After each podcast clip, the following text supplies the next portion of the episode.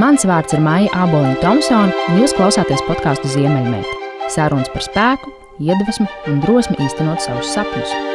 Klausies Ziemeļmeita Spotify, YouTube un Apple podkāsts. Spied follow vai subscribe un nepalaid garām jaunākās sarunas. Spied follow at podkāstu Ziemeļmeita arī Instagram un Facebook, un uzzini visu par podkāstu aizkulisēm, jauniem viesiem un sarunu tēmām. Un ieskaties arī blogā Ziemeļmeita TV.CLV. Nu ko, lai labi skan un tiekamies! Sveiks, klausītāji! Tu zini, jau kādu laiku es darbojos pie sava jaunākā projekta, podkāsta Zaļā ziemeļmeita, kas pētīs ilgspējas jautājumus biznesā un sadzīvē un skaidros dažādu jēdzienu patieso būtību. Piemēram, kas ir ilgspēja, kas ir zaļmaldināšana, kas ir karbona neutralitāte un net zero. Un, uh, mēs tajā arī runāsim, uh, kā veidot ilgspējas stratēģiju, kā uzņēmumu ilgspēju raugās finansētāji un uh, dalīsimies dažādos uzņēmumu pieredzes stāstos. Būtībā šī podkāstu mērķis ir ieviest skaidrību par šī brīža, nu, es teiktu, karstāko topiku - ilgspēja. Jo nu, mani kā cilvēku, kas ilgspējā darbojās jau te desmit gadus, reāli skrien zosāt, kad dzird jēdzienus kā ilgspējīgas automašīnas, ilgspējīgas attiecības, ilgspējīgs finansējums, ekokredīts un tā tālāk. Un, tu zini, šodien es īstenībā vēlētos tevi iepazīstināt ar šo podkāstu, piedāvājot noklausīties sarunu ar zīmola Dana ar kasti radītāju un organizēšanas konsultanti Danu Gulbi par patēriņu mūsu ikdienas dzīvē. Kāpēc mēs pērkam tik daudz lieku mantu un kā patērēt mazāk?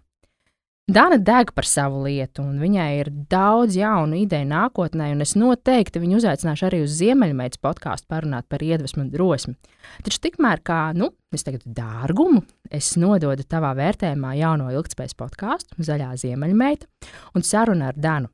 Kāpēc mēs patērējam tik daudz, un kā to mainīt, un atstāt savā maciņā arī vairāk naudas? Lai labi skan! Un, ja patīk, tad priecāšos, ja piesakos zaļai ziemeļmētai Spotify platformā un pastāstīs par to arī citiem zaļās domāšanas entuziastiem. Ilgtspēja, zaļā domāšana, biznesa. Jep, tu klausies podkāstu Zaļā ziemeļmeita, un mans vārds ir Maija Āboliņa Thompsone. Seko podkāstam Spotify un Apple podkāstus un nepalaid garām jaunākās epizodes. Tiek lēsts, ka, ja mēs nesamazināsim savus patēriņa pārādumus, tad līdz 2050. gadam mūsu patēriņa apmierināšanai būs nepieciešams trīs zemeslodes. Bet okeānos plasmas peldēs vairāk kā zivis. Šodien katras sešas sekundes tiek iznīcināti meži futbola laukuma izmērā. Viens miljons ūdens un sauszemes dzīvnieku sugu šobrīd ir uz izmiršanas sliekšņa, Tas ir gandrīz 20% no kopējās ūdens un sauszemes dzīvnieku populācijas. Ir aprēķināts, ka vidēji viens Eiropas iedzīvotājs gadā rada 5 tonnas atkritumus. Tikai 38% no atkritumiem Eiropas Savienībā tiek pārstrādāti, un vairāk kā 60% no maisaimniecību atkritumiem paliek atkritumu poligonos. Modes industrija ļoti lielā mērā ir atbildīga par dabas daudzveidības samazināšanos, un tā ir tieši atbildīga par augsnes piesārņojumu, dabisko ekosistēmu iznīcināšanu un uh, ūdens piesārņojumu. Un uh, pēc tāda dramatiska pieteikuma es uh, gribu iepazīstināt ar Danu. Danu Gulbi, kas ir Dana ar kasti zīmola radītāja, certificēts coach, organizēšanas konsultante un kārtošanas iedvesmotāja. Un Dana ir tas brīnišķīgais cilvēks, kurš uh, ar vēsu prātu uh, aicina mūs paskatīties uz tām lietām, kas mums ir apkārt, ikdienā, mūsu mājās, un pavaicāt sev, vai mums patiešām vajag tik daudz. Mm. un palīdz mums forši un atbildīgi un ilgspējīgi atbrīvoties no tām lietām, kas mums nav vajadzīgas. Sveika, Dana! Sveika, mīļā.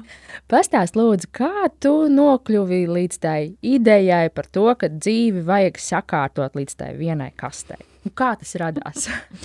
līdz vienai droši vien nē, bet es domāju, ka tas ir kaut kas, kas man ir eh, nācis no, no debesīm, tad, kad es šajā pasaulē ierados. Tā tiešām ir tāda ļoti liela vēlme uh, pēc kārtības, bet nevis tādā pedantiskuma izpratnē, bet tā, ka vienkārši ir sistēma un ir saprotams, kā kas strādā un kā kas atrodas. Līdz ar to man kārtot ir paticis vienmēr, tiešām vienmēr. Bet par tādu aicinājumu un profesiju tas um, radās brīdī, kad es kļuvu par mammu. Mm. Un kad man piedzima mans dēliņš, un es pēkšņi, tāpat kā daudzas citas jaunās mammas, atapos mājās 24, 7 Un tās lietas, kuras pirms tam ir ieliktas vakuuma maisos un paliktas zem gultas, nopērts vēl vienu kumoda, jo vietas par maz, un pēkšņi, kad es biju mājās, es pamanīju, cik ļoti videi ir tāds milzīgs, milzīgs iespējas un efekts uz manu labsajūtu jaunās mammas, kas šo klausās, ļoti labi zina, kādas ir tās negulētās naktis un cik tu esi jūtīgs tajā, tajā kā tu vispār uztver pasauli. Un tad kaut kādi šie nevajadzīgie priekšmeti un šis kairinājums tieši vizuālais un, un apkārtējā vidē. Uz mani bija gan spēcīgs. Tāpēc tas, ko es izdarīju, es ļoti pamatīgi sakārtoju savas mājas, atbrīvojos no visa, kas ir liekas, sapratu, ka es negribu turēt lietas, kuras es neizmantoju. Un tas, principā, kā tāds kā tāds pavadiens aizgāja līdz maniem draugiem. Palīdz man skāpes sakārtot. Iesaka vēl kādam. Un, Cik skāpes tu esi redzējusi? Oi, daudz, daudz, daudz un dažādas skāpes un ļoti daudz un dažādas mājvietas, ko laikam arī ir svarīgi piebilst, ka mm, es pat nevarētu nosaukt, ka tas ir kaut kāds mans vidējais klients, ir saurupmāja jūrmalā. Ir arī tādas, bet ir arī dzīvokļi, ir arī mazi dzīvokļi ārpus Rīgas. Uh, ir, ir mājas, ir studijas tipa dzīvokļi, 200 kvadrātmetru dzīvokļi. Ko es ar to gribu pateikt, ka tie izaicinājumi mums visiem ir ļoti līdzīgi. Ļoti, ļoti līdzīgi. Un, nu, jā, kā jau es iesāku stāstīt, tad kaut kādā brīdī tas aizgāja līdz šim zīmolam, Dana ar kasti. Kas man bija svarīgi, ka tur ir mans vārds, un tur ir mazliet tāds humoriņš. Un, lai tas paliek tāds jautājums, kas, tas, kas tā tāda par Danu ar kaste, jo tiešām kaste kā fizisks priekšmets ir brīnišķīgs, lai sagrupētu to, kas mums pieder. Bet redz, tas, ko es bieži uzsveru, un kas ir ārkārtīgi svarīgi, nav jēgas sākt kārtot pirkt kastītes par patēriņu runājot. Ja? Mm -hmm. Kamēr tu neesi atbrīvojies no liekā un kamēr tu neesi sapratis, kas ir tas mantu daudzums, ko es savā dzīvē vispār vēlos paturēt. Tieši tas, par ko tu, par ko tu arī tikko runāji. Saprast, kas ir tas mantu daudzums, ar ko es jūtos komfortabli un tajā pašā laikā, par ko es esmu spējīgs rūpēties. Ja lielākoties mums to mantu ir tik daudz, ka mums vienkārši fiziski tam nav ne laika, ne spēka, ne enerģijas par to rūpēties. Un kādu risinājumu mēs izdomājam, mēs pārvācamies uz lielāku māju.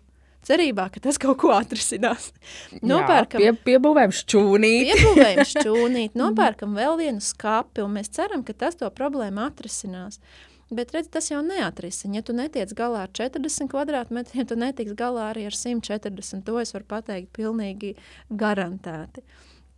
Un tas mums kaut kādā brīdī tomēr liek atgriezties pie, tā, pie tās saknes, kas notiek vispār ar priekšmetiem manā dzīvē, ar šiem fiziskiem priekšmetiem.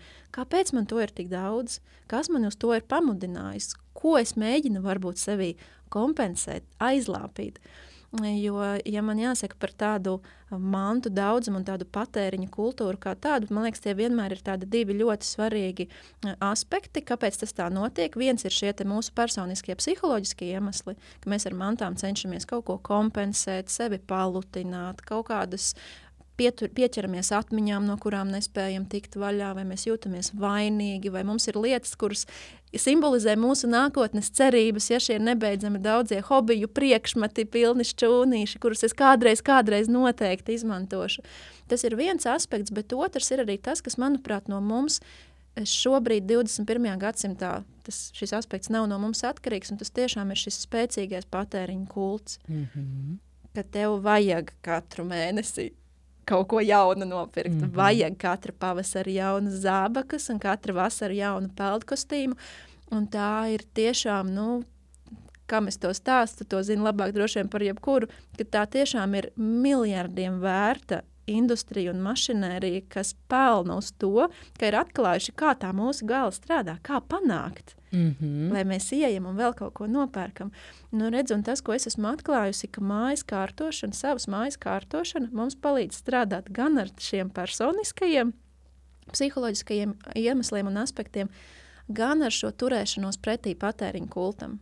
Jo tas jau nenozīmē, ka tu vairs nedrīkstēsi sev neko pirkt bet tavi lēmumi būs simts reižu apzinātāki, pārdomātāki, un arguments būs nevis tikai, vai es to varu atļauties, un vai man piestāv tā desmitā klēta. Tāpēc, ka kaimiņam arī ir. Un, un tieši tā, un kāpēc vēl kādam ir, bet tev jau būs arguments, ok, bet vai tiešām man to vajag? Kādu tas nospiedumu atstās uz planētu, uz manu enerģiju, uz manām mājām. Un tie jautājumi paliek dziļāki un plašāki, kas mums vienkārši ļoti dabiskā veidā palīdz um, samazināt to priekšmetu daudzumu, ko mēs reāli izmantojam. Es varētu stundām runāt, lūdzu, man pārtrauc ar citiem. Nē, nē, nē, vēl nē. jo es, varu, es par šo droši vien varu runāt un runāt. Un redz, jau kas vēl man šeit ir, manuprāt, ir svarīgi piebilst, ko es pamanu savos klientos, ka caur kārtošanu tā attieksme pret patēriņu mainās dziļāk un mainās kaut kādā ziņā saudzīgāk. Jo šī kaunināšana, pirksta kratīšana, ka kā jūs te pērkat, ja tos Negauši. ātrās, ātrās modes lupatas, ja, un kur mm -hmm. mēs citreiz pat, es, es godīgi to varu atzīties, es pat reizēm arī, man liekas, tā kā nērti jūtos iet tādā parastā lielveikalā kaut ko pirkt, jo, nu kā, tas taču nav ētiski, nav pareizi. Un tas arī īstenībā nav, man liekas, ceļš, kurā mums ir jāiet. Jo, redziet, tad, ja mēs kaut ko sev liedzam ar šo te va caur vainas sajūtu, caur to, ka mums kāds ir pirkstu pakratījis, Jā, mēs varbūt tajā brīdī nenopērkam, bet tie psiholoģiskie aspekti, par kuriem es runāju, it nemaz nemazinās. Kā tev liekas, cik daudz dziļāk. ir tas mums, tas vēsturiskais, jo redz, mūsu vecmāmiņas un māmas dzīvoja laikā, kad nekā nebija. Mm. Tālāk nāk 80, 90 gadi, tā paudze mums ir, mēs varam pirkt, mums taču viss ir. Un tagad pēkšņi mēs atgriežamies pie tā, ka mums nevajag tik daudz. mm. kā ir, kā tev šķiet, cik daudz spēlē šī vēsturiskā loma? Es domāju, ka tā loma noteikti ir, ir ļoti liela. Es to bieži esmu arī teikusi, ka liekas, Latvija, kas ir tiešām, kā jau to arī teicu, pirms, pirms mēs sākām sarunu, brīnišķīga vieta pasaulē. Nu, brīnišķīga. Bet redz, mēs esam šajā te, um, viduspunktiņā, kur no vienas puses mums ir ļoti spēcīgs tas uh, krāšanas mantojums, ah, ja nu noderēs, ah, ja nu vairāk nebūs. Jā. Taupīgums kaut kāds, kas mijas ar tādu skopumu, es gribētu teikt, tas mums ir no vienas puses, un no otras puses ir ļoti spēcīgā šī rietumu ietekme, kas ir pērts, aiziet, atlaides, izpārdošanas. Un tad, kas notiek ar šo mūsu nabaga, nabaga Latviju? Mēs pērkam, pērkam, pērkam, un tad skopi turam un neesam gatavi to dot prom vai, vai mest ārā. Līdz ar to mēs, mēs apaugam ar mantām. Redz, man nav pieredze darbā teiksim, ar klientiem Amerikas Savienotajās valstīs, bet nu, tajā, cik es par to esmu lasījusi un interesējusies, mēs noteikti neesam bēdīgākajā situācijā. Nu, Latvijā tas tomēr nav tik izplatīti. Īrēt konteinerus jau savām mm -hmm. mantām vai, vai, vai celt kaut kādas atsevišķas noliktavas. Uh, mums tomēr laikam tas skopums mūs vismaz drusciņi nobremzē. Nu.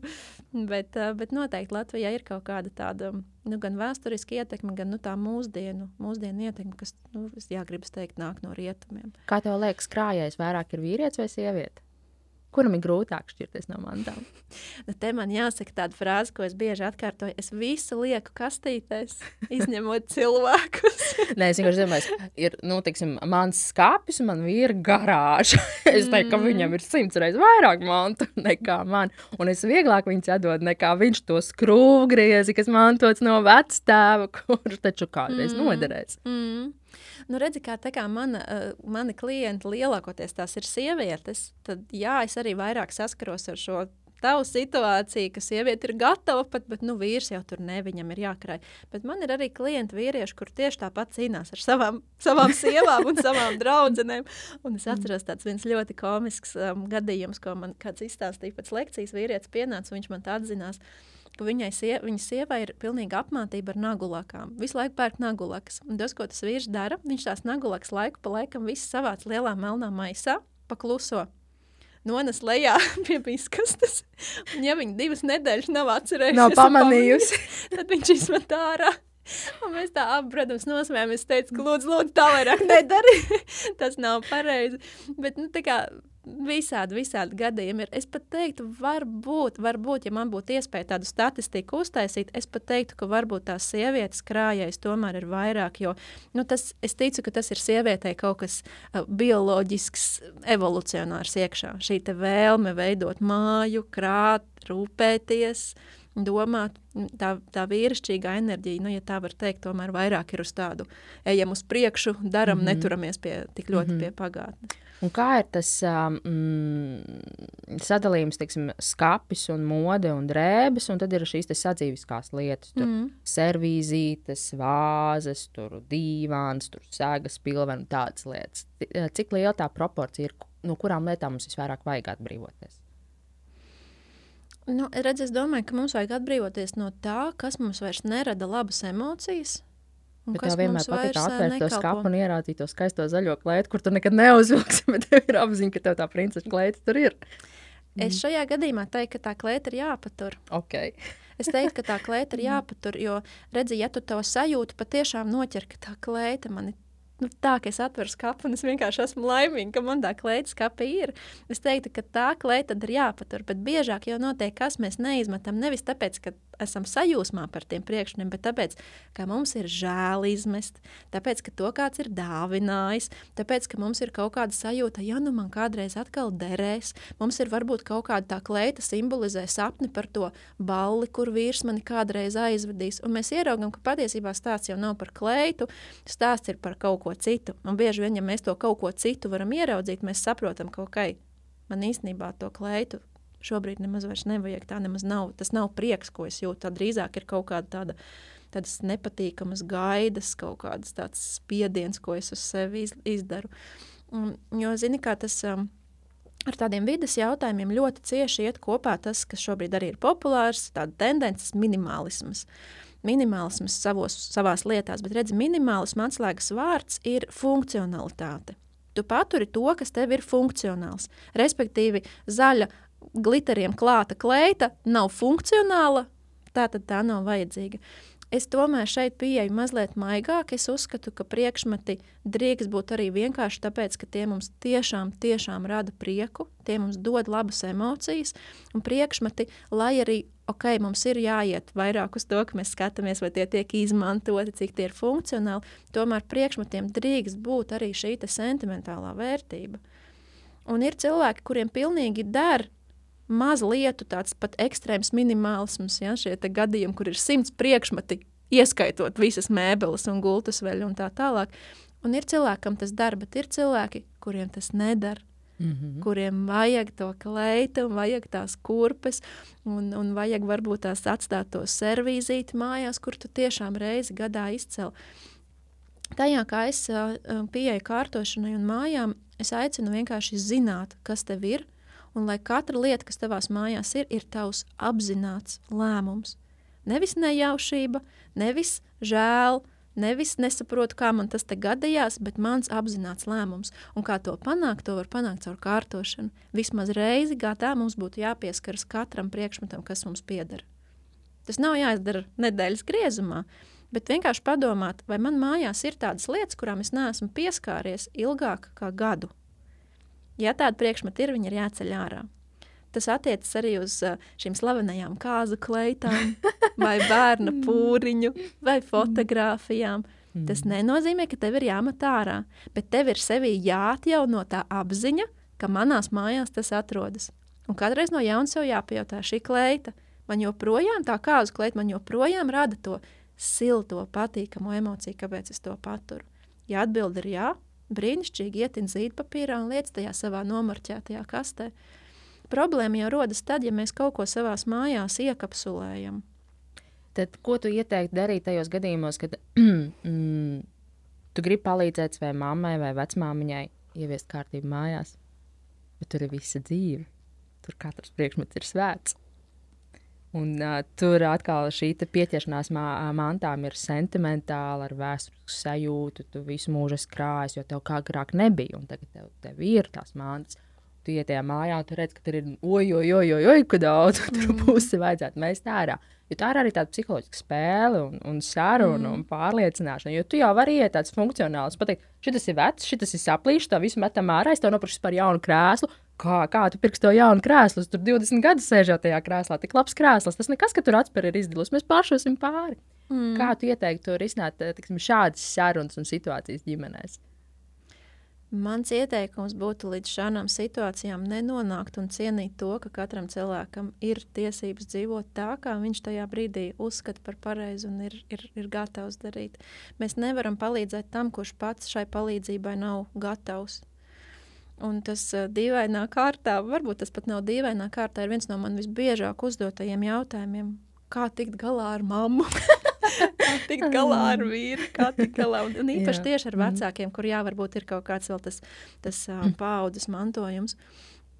Mēs nevaram palīdzēt cilvēkam, kurš pats nav nonācis līdz punktam, kurš saka, viss, es šādi vairs turpināt negribu.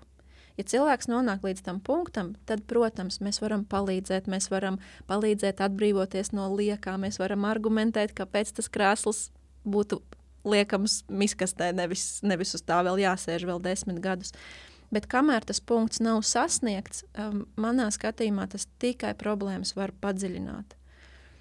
Jo tie tiešām, kā jau es teicu, tur ir ļoti, ļoti bieži vien tādi dziļi psiholoģiski iemesli. Tā kā tu saki, katrs priekšmets ir ar kaut kādu atmiņu, ar kaut ko. Nu, es varu izstāstīt vienu tādu piemēru, kas iespējams ne visiem derēs un ne visiem patiks, ko es stāstu. Bet man ir pazīstama sieviete, kura pārvācās dzīvot pie saviem vecākiem lai viņiem palīdzētu. Tur nu, ļoti, ļoti daudz dažādu lietu, galdautu, sēdziņu, mēbeļu, mm -hmm. trauku. Nu, viss, viss ir ļoti, ļoti daudz. Un vecāki jau ir krietni sirmā vecumā. Un šī mana paziņa kopā ar savu māsu, ar saviem vecākiem reiz tā ļoti atklāti izrunājās. Viņas pateica, mīļie vecāki, mēs jūs ļoti mīlam, bet jums ir jāapzinās, ka tad, kad jūs vairs nebūsiet, mēs tāpat to visu izmetīsim. Un, um, tāds varbūt skarb, skarba saruna, kas izklausās, bija tas, kas šiem vecākiem palīdzēja ieraudzīt, ka klau, nu tiešām, nu es taču neko no šī līdzi nepaņemšu. Mm -hmm. Neko. Un tas arī palīdz mums, kas varbūt mēs vēl par nāvi un aiziešanu no šīs pasaules šobrīd nedomājam, kas notiks ar tām lietām. Ok, tu vari atlikt kārtošanu, tu vari atlikt atbrīvošanos no liekā, cik vien ilgi tu vēlies. Kāds to tik un tā izdarīs? Mm -hmm.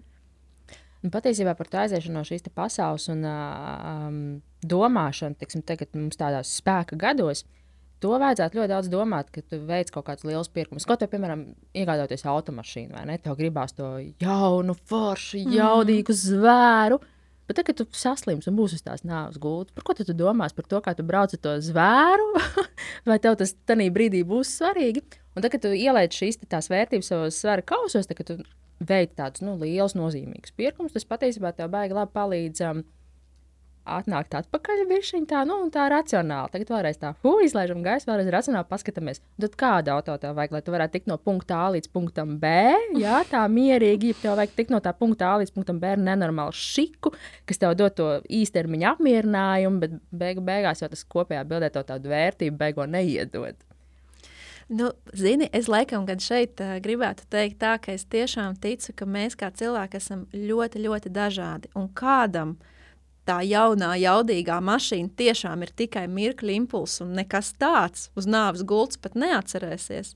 Bet es tiešām ticu, ka ir kāds, kuram tas var iedot to sajūtu, ka jā. Oh, kāds tas bija foršs jaunībā, kāds man bija jautājums? ne, nu, varbūt tu mm. nedomāsi gluži par to, kāds tev bija foršs auto, bet tas tev iedod nu, tādu tādu, tādu dziļāku, tādu, nu, tādu nu, varbūt to pat var nosaukt par kaut kādu tādu laimes sajūtu. Jo redzi, mums jau, mēs tiešām mēs esam ļoti, ļoti dažādi. Un skaidrs, ka lielākoties cilvēki, kas mēģina ar priekšmetiem, un ar mašīnām un ar dažādām materiālām lietām to laimi dabūt, agri vai vēl lielākā daļa no viņiem atops pie punkta, ka nu, nu, cik daudz es pirkšu.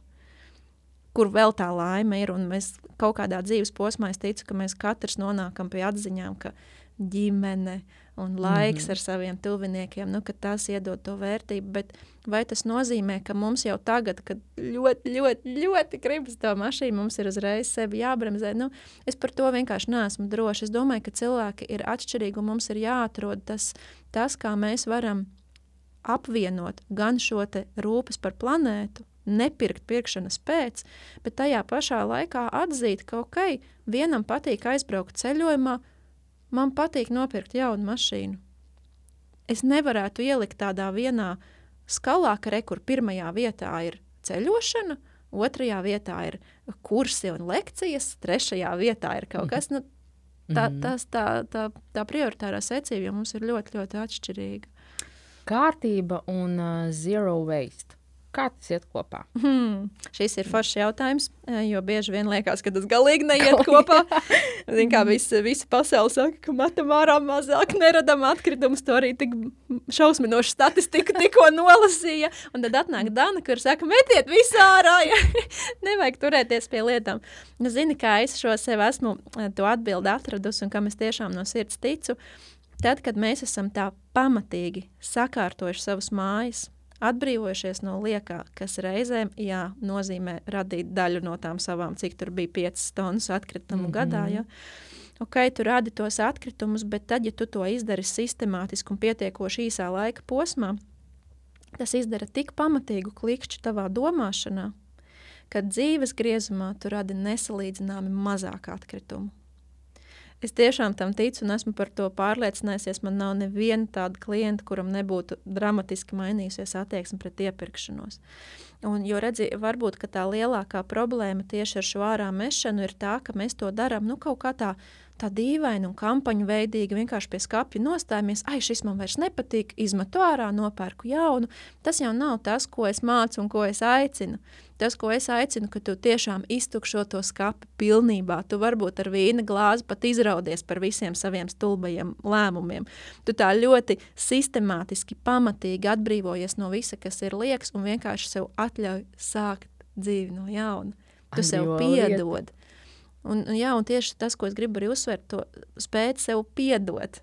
Mm. Ja mums visiem ir kaut kādi nu, stulbi lēmumi, kaut kādas nevajadzīgas lietas, ko mēs varbūt esam nopirkuši, kuras varbūt nevajadzēja, priekš kām, nu, piedod sev, laid to vaļā un dzīvo tālāk. Un es noteikti aicinu kārtošanas procesā, cik vien ir iespējams un cik tas Latvijā ir iespējams, jo tas, ko teicu, ka Latvija ir viena no pēdējām vietām, ja es saprotu, Jā, pasaulē atkrituma pārstrādāšana ziņā. Tas, protams, ir ārkārtīgi bēdīgi. Es, es vienmēr savus klientus aicinu iespēju robežās pārdot, ziedot, pārstrādāt, nu, neiet taisnā ceļā uz zaļo atkritumu konteineru, bet nu, jāsaka, ka tā pavisam sakārtot savu mainu reizi, neaizejot līdz tam sadzīves atkritumu konteineram, nu, parasti tas tomēr nav iespējams.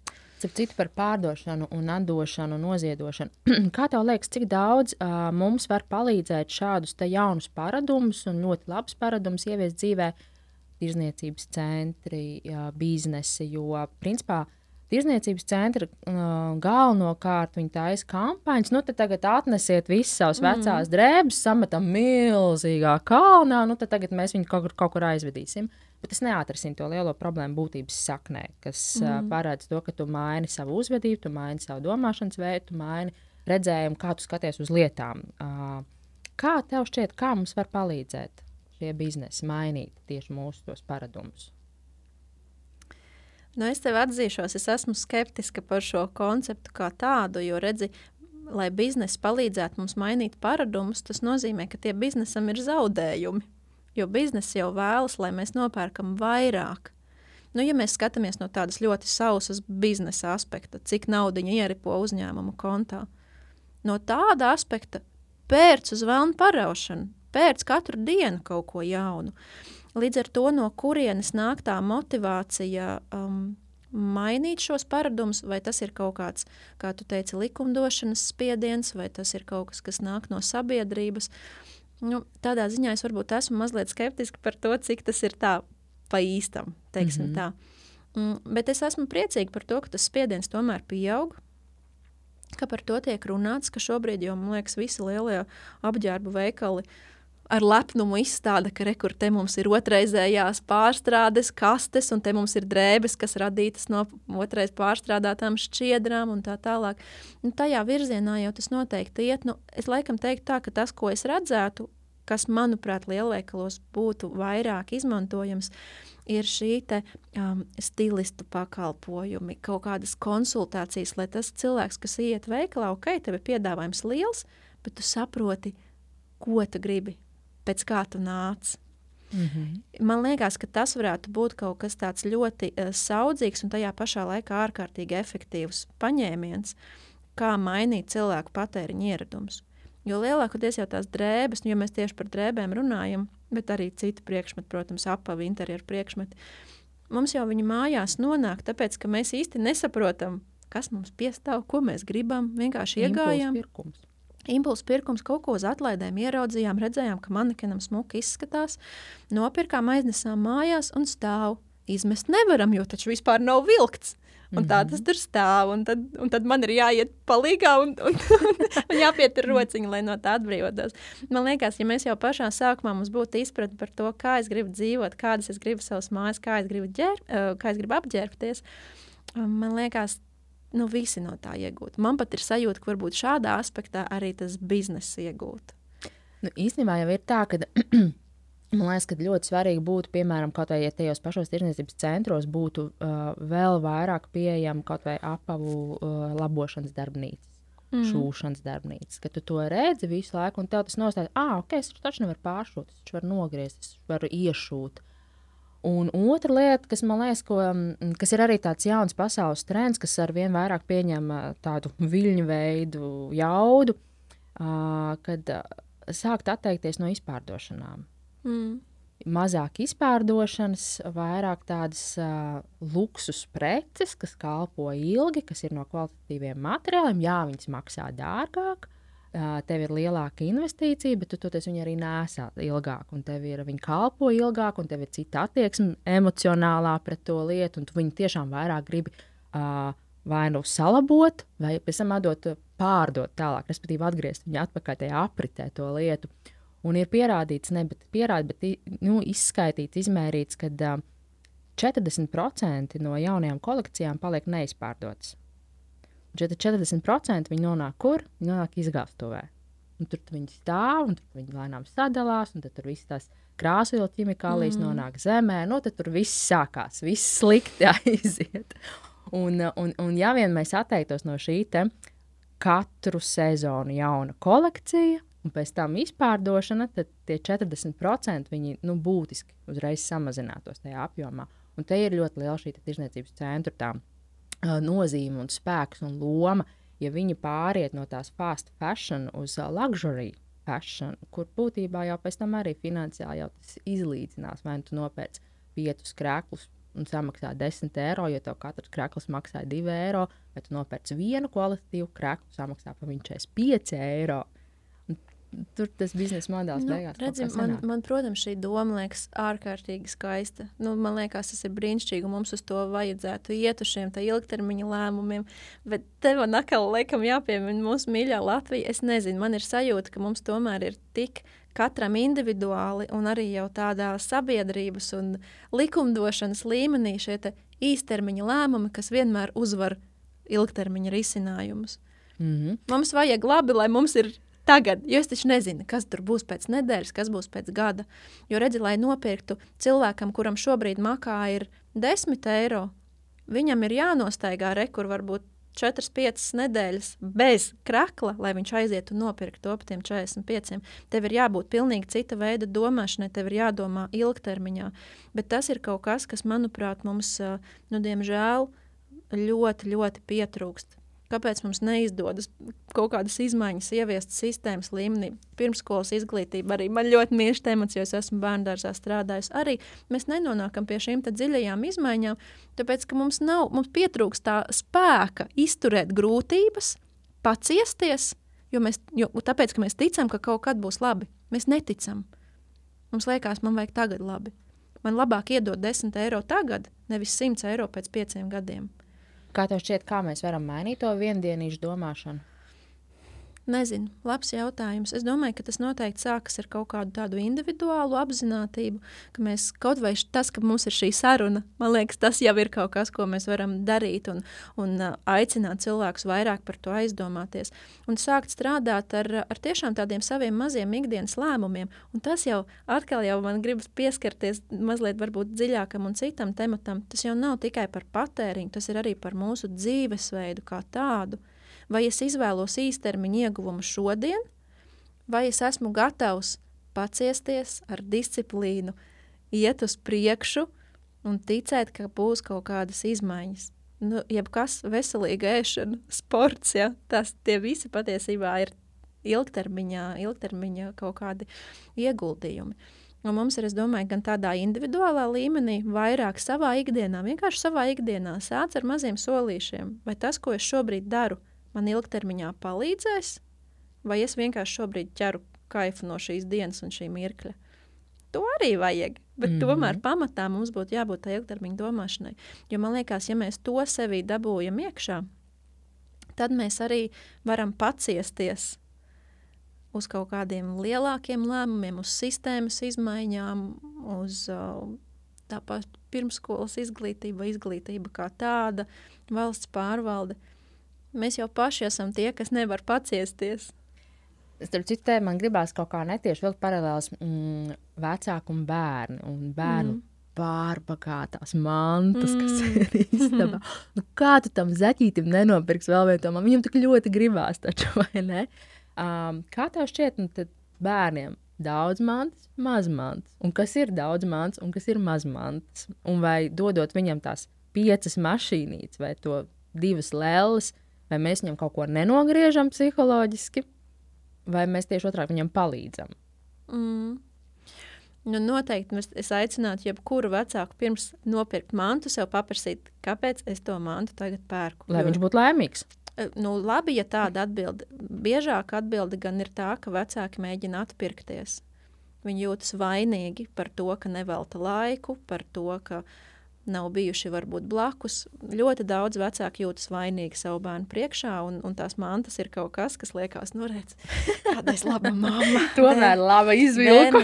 jā, jā, jā, un līdz ar to tas pat bieži vien ir nevis bērna pieprasījums pēc mantas, bet tā ir mūsu vēlme to vainas sajūtu kaut kā mierināt. Tas noteikti ir jautājums, ko, manuprāt, būtu sev jāuzdod, un ja es saprotu, ka es jūtos šobrīd vainīga vai jūtos vainīgs, aiziet ar to bērnu paspēlējies. Nu, tas atkal jau stāsts par īstermiņu. Īstermiņā ir vieglāk nopirkt viņam to, ko mm -hmm. viņš tur čīkst, bet ilgtermiņā meklēt, kāpēc es, man pašam tā, ir tā vajadzība tās mantas pirkt. Jo ļoti bieži vecāki to novaļ uz bērniem. Viņš man prasa, es jau negribu pirkt, viņš man prasa. Bieži vien tas sākums tomēr ir vecākā, tajā vecāka vainas izjūtā. Un par mantām, tas, kas ir tas daudzums, kas bērniem ir vajadzīgs, nu es teiktu, jo mazāks, jo labāk. Tas nenozīmē, ka viņam ir jābūt vispār dzīvē maz mantām, bet tām, kas ir bērnam redzamas un pieejamas. Un es šajā brīdī īpaši runāju par pirmsskolas vecumu. Es uh, aicinu saviem klientiem un savā grāmatā un online kursā mācu ieviest mantu noliktavu. Kas tas ir? Tas nozīmē, ka bērnam bērnistabā ir vienkārši vaļais plaukts, tur ir 6 līdz 8 groziņi, kur ir kaut kāda rotaļlietu izlase. Ideālā variantā tas tā rotaļlieta izlase tiek veidot tā, ka 50% ir tādi, kas bērnam ir rīktīgi, rīktīgi patīk, vai tie būtu mašīnītes vai lego klucīši, un pusi ir ielicis vecāks, kas ir nu, teiksim, tā tāda izglītojoša funkcija, vai tā mm -hmm. ir mhm. kāda puzle, vai kādi burtiņi, vai nu, kaut kas tam līdzīgs. Un tad ir mantu noliktava, kas ir liela sekla kaste, tā var būt arī kāda atsevišķa atvilkne, kurai uh, ikdienā bērnam nav piekļuves. Svētku reizēs viņam to atvērt? Nevis svētku reizēs, bet reizi mm. nedēļā vai reizi divās nedēļās tiek veikta mantu rotācija. Un bērns var samainīt. Viņš var pats mm. no savas tās noliktavas paņemt. Rekur, es tagad gribu ar šo paspēlēties. Ok, mēs kaut ko samainām un ieliekam, uh, ieliekam nu, samainam vietām. Um, tas strādā kā brīnums. Bet ko tas bērns tajā brīdī iemācās? Tas bērns tajā brīdī iemācās to, ka, nu, kā iemācās, viņš vienkārši daudz vairāk novērtē to, kas viņam tajā vaļajā plauktā ir. Viņš patiešām paspēlēsies ar visu, kas viņam ir. Viņš ieraudzīs, ka, nu, okay, kā tas priekšmets strādā, kā par to rūpēties, kā to nolikt vietā. Ļoti svarīgi ir daudz vieglāk uzturēt kārtību, ja tev ir seši groziņi, nevis pilna istaba ar mantām. Un, un ir arī tas, um, tas, tas fenomens, jo redz, es teicu, ka, ja mēs runājam tieši par bērnu stabu kārtošanu, bērnu stabu ir jāiekārto, protams, lai bērnam ir jautri, lai tur ir skaisti, lai viegli uzturēt kārtību, bet arī, lai ir šis te, nu, kaut kāds izglītojošais vai audzinošais aspekts. Ka bērns, jo bērns mācās caur rotaļām, uh, Bērns nemācās pie galda sēžot, kā mēs augstskolā un kaut ko rakstot. Viņš mācās caur rotaļām, un tas arī ir kaut kāds nu, mūsu vecāku darbiņš. Vai manam bērnam ir tikai kaut kāds dīvains, skanošs plasmasas mantas, vai tur ir arī kaut kas, kas mudina viņa kaut kādu radošumu, kaut kādu iztēli. Un, ja mēs šādā veidā iekārtojam istabu, tad ir daudz lielāka varbūtība, ka bērns tiešām ar to plastelīnu tur kaut ko arī darīs. Nevis viņš ieies pa to iemītot aciņu pie savas LEGO kastes un tās pārējās mantas nemaz neredz. Un zinu, ko tas izdara arī tādā um, ilgspējības sakarā. Tad, ja tā manta noliktava tiešām, un tai manta noliktavai nav jābūt tādai mm, skaistai, visai glīti sakārtotai, tur vienkārši saliekam kastēs blīvāk, ciešāk, kaut kādos ziploku maisiņos, un tad, kad bērns izvelk pēc tām divām nedēļām to puzli ārā, Viņam ir sajūta, tas ir kaut kas jauns. tas gan jā. Un tev nav mm. tik daudz jāpērk jaunas lietas. Un tas ir fenomens, jo redz, ja tā puzle būtu stāvējusi plauktā, redzamā vietā, tu redzi vienkārši kastes maliņu. Bērns to puzli neliks, jo viņam liekas, ka man jau viņa ir sen. Tur nav nekas interesants, man vajag jaunu. Tikko tu to puzli aizvāc, vienkārši no tā vizuālā, vizuālā mm -hmm. lauka, bērns viņu neredz, un tad pēc mēneša, oh, kas tas tāds? Un mēs varam patiesībā ļoti ierobežot to mantu daudzumu, ko mēs bērnam pērkam. Es savam bērnam ļoti, ļoti maz mantas pērku. Man citreiz liekas pārāk maz, bet mums ir manta noliktava. Un tad, kad viņam viss ir apnicis, nu, kā jau vecīt, ejam, meklējam. Kas man te ir? atkal ir jautājums par to, nu, man ir divi puikas, divi mm -hmm. un pieci gadi.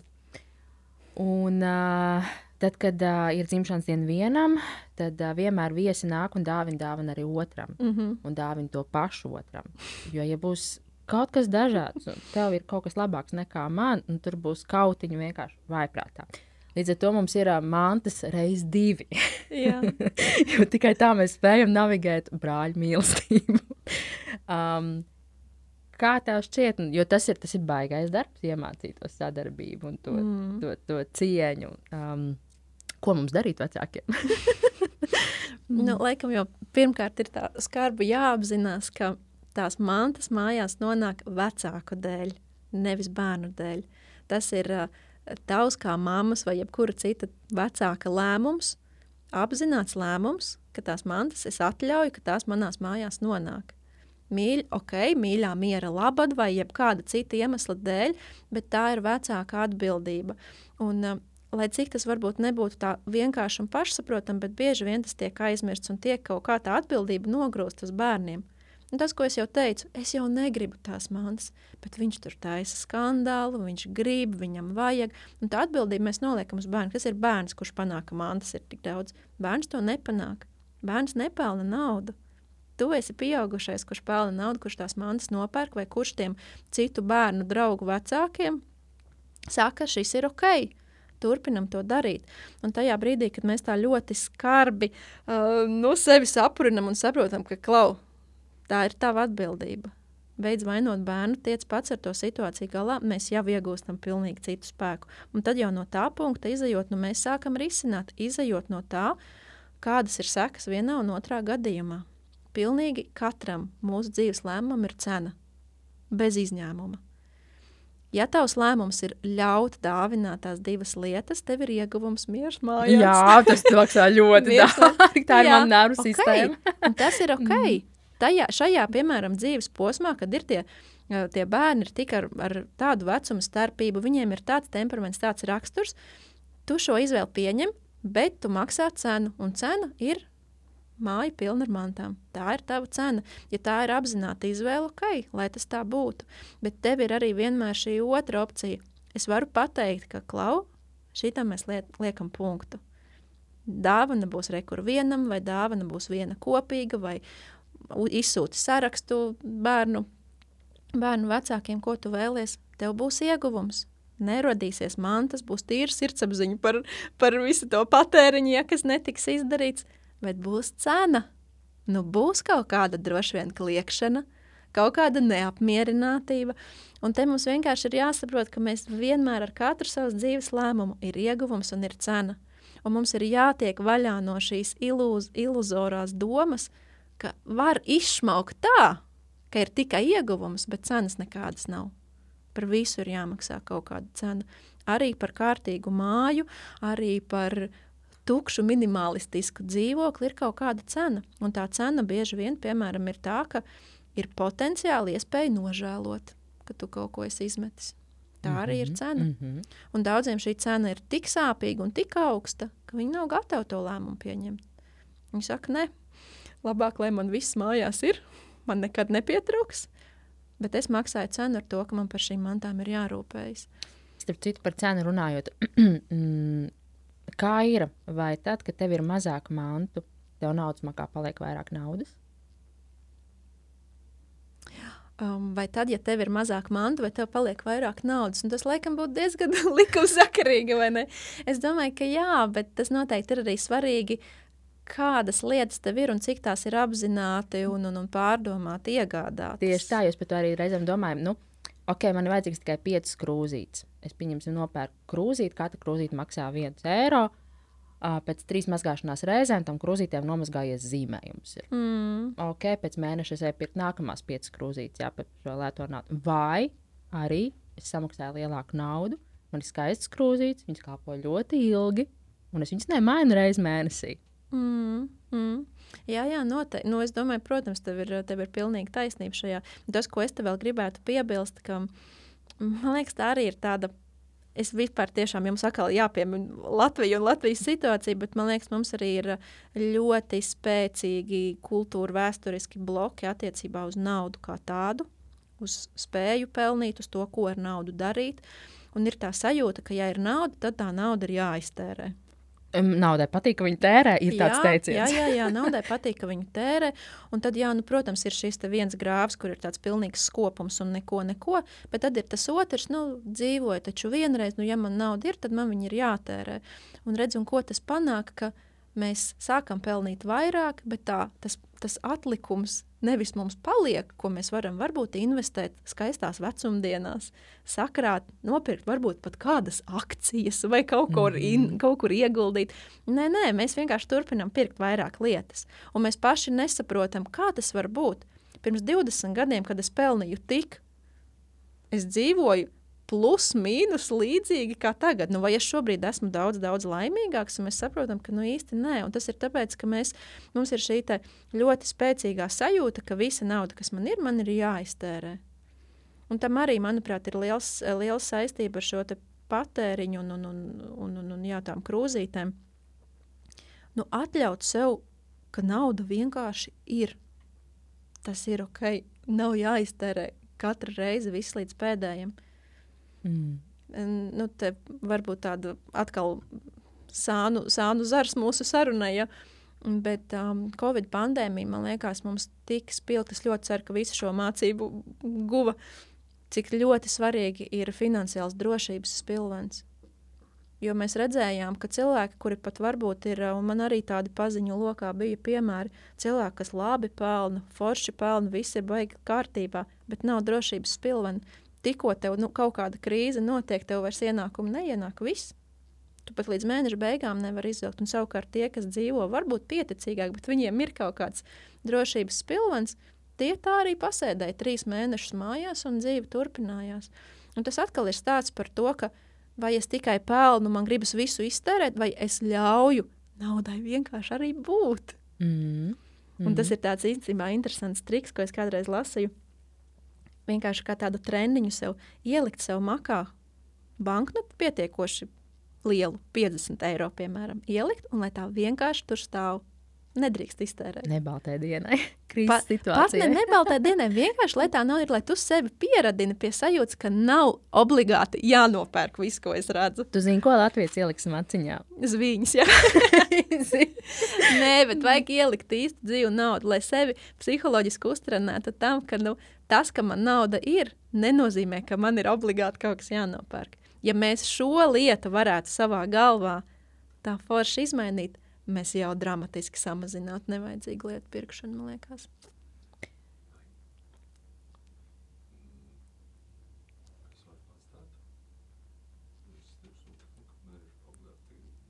Jā, jā, jā. jā. jā. Jā, nu kas?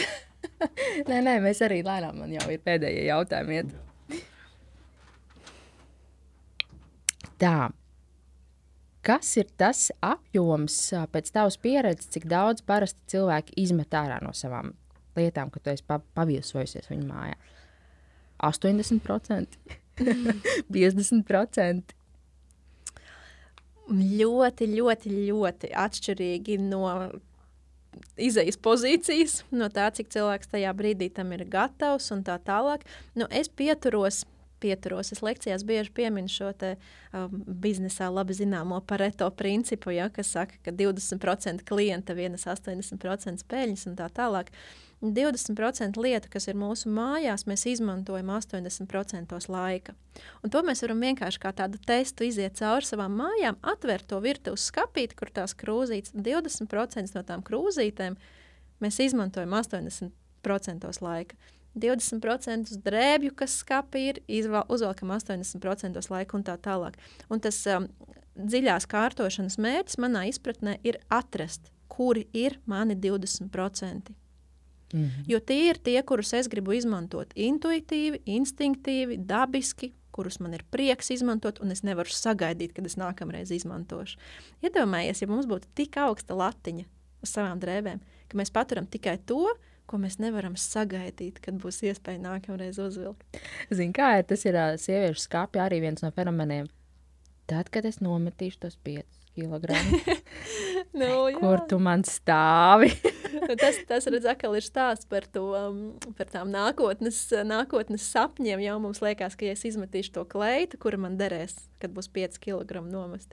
Ja es izmetīšu to kleitu, tad es izmetīšu arī sapni, ka es kādreiz nometīšu tos 5 kg. Tieši tā, un, un tajā brīdī jau, kad mēs to ieraugam, mēs saprotam, ka, nu, mīļā, tas jau tā nav. Tu vari nomest 5 kg un ir ok, arī no tās lietas tikt vaļā. Tāpēc par to procentuālo lietu daudzumu tie var būt arī visi 80%. Jā ka, ka tu tiešām saproti, ka nu, man nevajag. Es esmu ļoti dažādus gadījumus redzējis, gan tādus, kur tiek izmesta varbūt pat vairāk kā 80%, un tiešām paliek maz. Un tas, ko es vienmēr aicinu, nebaidies no tukšuma. Nebaidies. Nebaidies no tā, ka tev ir tie vieni džinsi skapī, ka tev ir tās vienas botiņas, kas tev ir mīļas. Neskrien uzreiz uz veikalu un nemēģini to tukšumu aizpildīt. Nebaidies no tukšuma, padzīvot tajā tukšumā. Nu, paskaties, mm. kā tu jūties, kas tev visvairāk pietrūkst. Un nevis nopērts pirmo somu, ko tu ieraugi, bet pastaigā kaut vai bez somas, lai tu mm. tiešām sajustu, kas ir tas, ko es gribu. Mēs ļoti, ļoti, ļoti baidāmies no tukšuma. Tikko skats paliek pārāk tukšs, tāds tramīgums kaut kāds, mm -hmm. jāskrien uz veikalu. Mm -hmm bet nebaidīties no tukšuma. Tā kā es esmu redzējis tādus gadījumus, un es esmu redzējis arī gadījumus, kur iziet cauri tām pašām drēbēm vai kuriem citām lietām, iziet visam cauri un varbūt vienu lietu izmet. Un arī tas ir ok. Mērķis nav taisīt konkursu, kurš vairāk izmetīs. Tas nav kārtošanas uzdevums. Kārtošanas uzdevums ir veicināt apziņotību par to, kas tev pieder. Un, ja tu par visiem 25 džinsiem vari paņemt katru rokās un pateikt, jā, man ļoti, ļoti vajag, man rada prieku, es zinu, kur es to vilkšu, un es tiešām arī velku. Ok. Lieliski. Tā ir tava lieta. Un visticamāk, tas cilvēks, viņam būs kaut kādi citi priekšmeti, par kuriem viņš būs nu, tāds. Ok, to es varu laist, uh, laist vieglāk. Ko es arī vēl laikam gribētu šeit piebilst, mm, mums nav tiešām, es, es uzskatu, ka nav tādu priekšmetu, kuriem būtu obligāti jābūt katrās mājās. Ah, jā, nav. Nav tādu priekšmetu, kuriem ir obligāti jābūt katrās mājās. Mēs ļoti bieži sevi arī ar šo te uh, ieliekam kaut kādā rāmī. Nu, kas tā par sievieti, kurai nav viena melna zīmuļsvārki? Vai kas tā par māju, kur nav mīklas ruļļa? Nu, kā var nebūt zupas katls mājās? Un mēs uz šo priekšmetu skatāmies nevis kā uz atsevišķu priekšmetu, vai konkrēti man, manās mājās, manai ģimenei to vajag, bet mums vienkārši ir tas teikums, nu kā, A, kā tad bez tā? Kā nu atbrauks vīra māte, ko viņa teiks? jā, jā, nu ko kāds teiks, vai, vai kā ir jābūt. Mm. Bet nav neviena tāda priekšmeta tiekam vienkārši no tā vaļā. Es, es pat varētu izaicināt, nosauciet man priekšmetu, bez kura nekādi, nekādi nevar iztikt. Tolets papīrs. Arī bez tā var iztikt. Ir cilvēki, kas izmanto sūnas, kaltētas, kas izmanto bidē. Nu, Pati uzsāka šādu tēmu, varēja jebko citu nosaukt. Bet arī bez tā var iztikt. Saproti, tas vienkārši mums iedod to, nu, to brīvību, ka es varu izvēlēties, ko es gribu. Ir, ir, ir, ir redzēti daži tādi ekstremāli uh, raidījumi par cilvēkiem, kas ir uh, nenormāli taupītāji. Nenormāli, un viņi tik tiešām viņi, nu, nu, spēj tā izdzīvot. Uh, Viņa gada budžets no sērijas ir 200 dolāri. un, un viņš pats apmaizīts karstā vasaras dienā uz sakarsētas mašīnas labi. Tas gan. Tāds ļoti praktisks jautājums. Kur tad cilvēkiem nodot tās lietas, no kā viņi grib tikt vaļā? Es eh, ļoti iesaku katram Latvijas iedzīvotājam iepazīties ar zaļais punkts LV. Man liekas, diezgan forši tur un labi viss ir um, aprakstīts un atrodams. Dažādu veidu ieraksti, kādi atkritumu veidi tev ir, un tu redzēsi, kur ir tev dzīves vietai. Tur ir Latvijas karta, tu redzēsi, kur tev dzīves vietai ir tuvākā, tuvākais punkts, kur nodot tekstilu, kur nodot kaut kādus bīstamos, lielgabarītu atkritumus un tā tālāk. Tas noteikti ir mans uh, ieteikums. Nu, Rīgā dzīvojošiem es pati bieži izmantoju un aicinu nest uz otro elpu. Uz labdarības veikaliem, jo kāpēc otrā elpa ir tāda pateicīga vieta, kur ziedot, ziedot priekšmetus, jo tur var ziedot ne tikai drēbes, tur var ziedot arī grāmatas un traukus un pat kaut kādu sadzīves tehniku, un tad otrajā elpā tas tālāk tiek pāršķirots kaut kas uz pārdošanu, kaut kas uz kaut kas tālāk. Viņi sadarbojas ar Sarkano krustu, arī zinu ar citām vēl labdarības organizācijām. Um, tas noteikti būtu, būtu vēl tāds jā, zaļais punkts, otrā elpa. Uh, Nu, diezgan labi. Es teiktu arī, ka mums Latvijā strādā Andela Mandela. Tā gan nav ziedošana, bet tā ir tāda tirgošanās platforma. SSLV ļoti labi strādā. Man liekas, ka tas ir viens no top 10 lielākajiem biznesiem Latvijā. Jā, jā, jā. Nu, tā kā reizēm arī mums izdodas pat kaut kādu naudu nopelnīt, nopelnīt atpakaļ. Es gan ieteiktu ar to neaizrauties, ar tirgošanu kā tādu. Jo tad mēs pārāk ļoti tam priekšmetam pieķeramies. Mums liekas, ka tur tā nauda kaut kāda iekapsulēta. Bet Nu, redz, mēs jau nepaliekam bagātāki, tāpēc, ka mums stāv 100 eiro vērts džins, nekad neuzvilkt. Nu, mēs neesam tāpēc bagātāki. Mm. Mēs vienkārši esam gan iztērējuši naudu, gan slikti par to jūtamies. Um, par ziedošanu man liekas, arī šeit gribētos piebilst, um, ko es ticu, ka šobrīd par laimi ļoti, ļoti daudz jau runā ziedot tikai un vienīgi tādas lietas, kas ir uzreiz izmantojamas, kvalitatīvas. Uh, Es, diemžēl, arī pati saskaros mm, ar to, ka reizēm cilvēki ziedošanu izmanto, lai tādu savu sirdsapziņu tikai drusciņā apklusinātu. Jo, nu, kā es taču neizmetu konteinerā, aiznesu ziedot, bet īstenībā, ko tu tur noziedoji? To, kam varbūt ir poga izplīsus, kas varbūt pat ir netīrs, kas varbūt nav izmantojams. Nu, katrai lietai, ko mēs nesam uz šiem ziedošanas punktiem, ja mēs zinām, ka tas tiešām ir domāts citiem cilvēkiem, mums vajadzētu paskatīties un tā, nu, jo par sievietēm, ja sievietes uzrunājam, vai es to dotu savai labākajai draudzenei rokās. Mm, tas ir tāds spēcīgs jautājums. Jā, vai tā, ja mēs ar draugu satiktos, viņa atnāktu un man nebūtu kauns tieši tādu, kā es to tagad redzu, viņai iedot rokās. Ja nebūtu kauns, tad to var nest uz ziedošanu. Ja būtu kauns, tad vai nu izmazgā, salāpi, izdari, kas ir jādara. Ja tur nevar neko darīt, tad, lai cik tas nebūtu sāpīgi, tā ir tekstila pārstrāde vai tas ir konteiners. Ziedošanas punkti nav miskastes. Mm -hmm. Cilvēku resursi tomēr arī ir ierobežots arī šajos ziedošanas punktos. Tie arī ir dzīvi cilvēki, kuriem tiem maisiem ir jāiet cauri un, un, un, un, un jārokas. Un nevajag apklusināt savu sirdsapziņu ar to vien, ka tu nes uz ziedošanas punktu.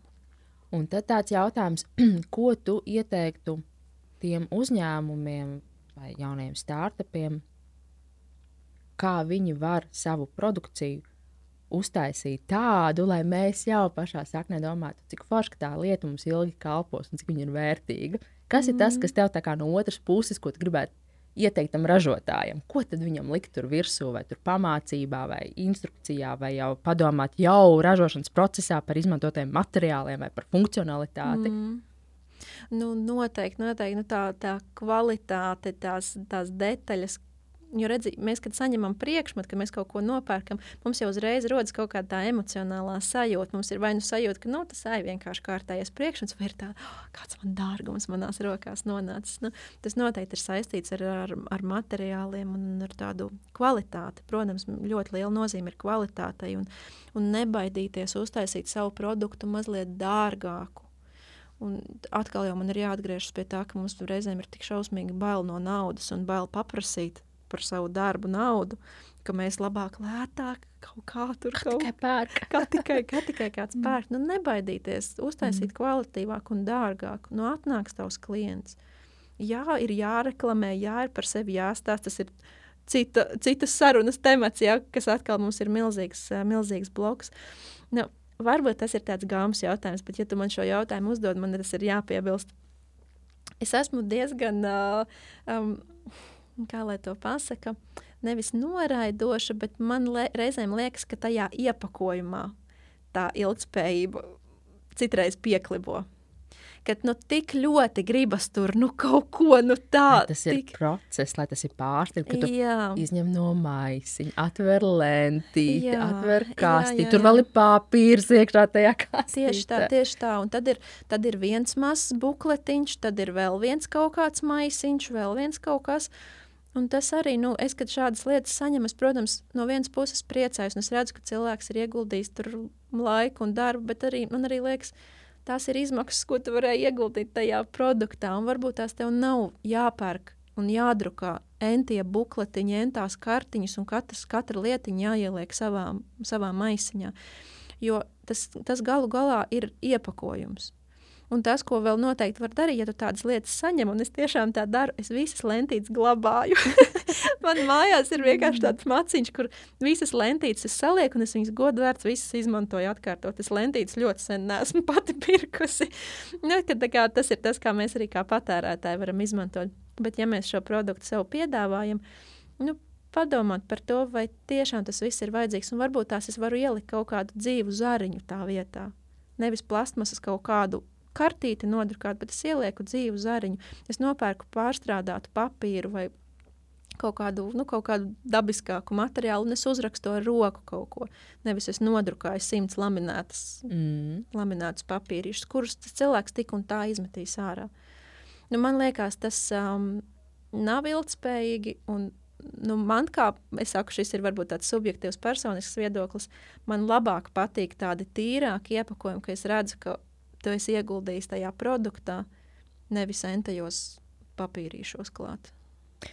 Un tad noslēdzot mūsu sarunu, tāds pēdējais jautājums, teiksim tā, apkopojot visu, kas tad ir tas viens jautājums, ko man vajadzētu sev pavaicāt tajā brīdī, kad es esmu pie kases un man vēl ir iespēja mm. to produktu aiznest atpakaļ? Mm. Es laikam teiktu, ka tas ir jautājums par īstermiņa vai ilgtermiņa labumu. Pajautāt, vai šī lieta ir tikai īstermiņa labums, vai es tam redzu kaut kādu ilgtermiņa ieguldījumu. Un ilgtermiņa ieguldījums gan attiecībā uz manu dzīvi, gan attiecībā uz valsti, kurā es dzīvoju, gan attiecībā uz planētu, uz kuras esmu nolaidies. Uzdot sev šo jautājumu, un ir ok dažreiz atbildēt. Šis ir rīktīgs īstermiņš. Tas ir tāds īstermiņš, man vienkārši tā šodien vajag. Tas ir ok. Bet ja mēs to katru reizi sev uzdosim, mēs sapratīsim, ka nu, nu nevar braukt tikai īstermiņā visu laiku ir jādomā par šo ilgtermiņu, ir jāpajautā, vai tas man iedos prieku šodien, vai tas man radīs prieku varbūt gadu, divus, un varbūt pat piecus. Un ko tas ilgtermiņā izdarīs ar, ar planētu, ar, ar dabas resursiem. Uzdodiet sev jautājumu, vai tas ir īstermiņa ieguvums vai ilgtermiņa ieguvums, un iespēja robežās iet uz otro. Paldies, tev, Liels! Paldies! Tev. Paldies, ka biji kopā ar mums! Klausies podkāstu Spotify un Apple podkāstu platformās. Savukārt, ja tavam uzņēmumam ir nepieciešams palīdzēt norientēties ilgspējas jautājumos un izstrādāt ilgspējas stratēģiju, sazināmies www.ziemeļmeita.com.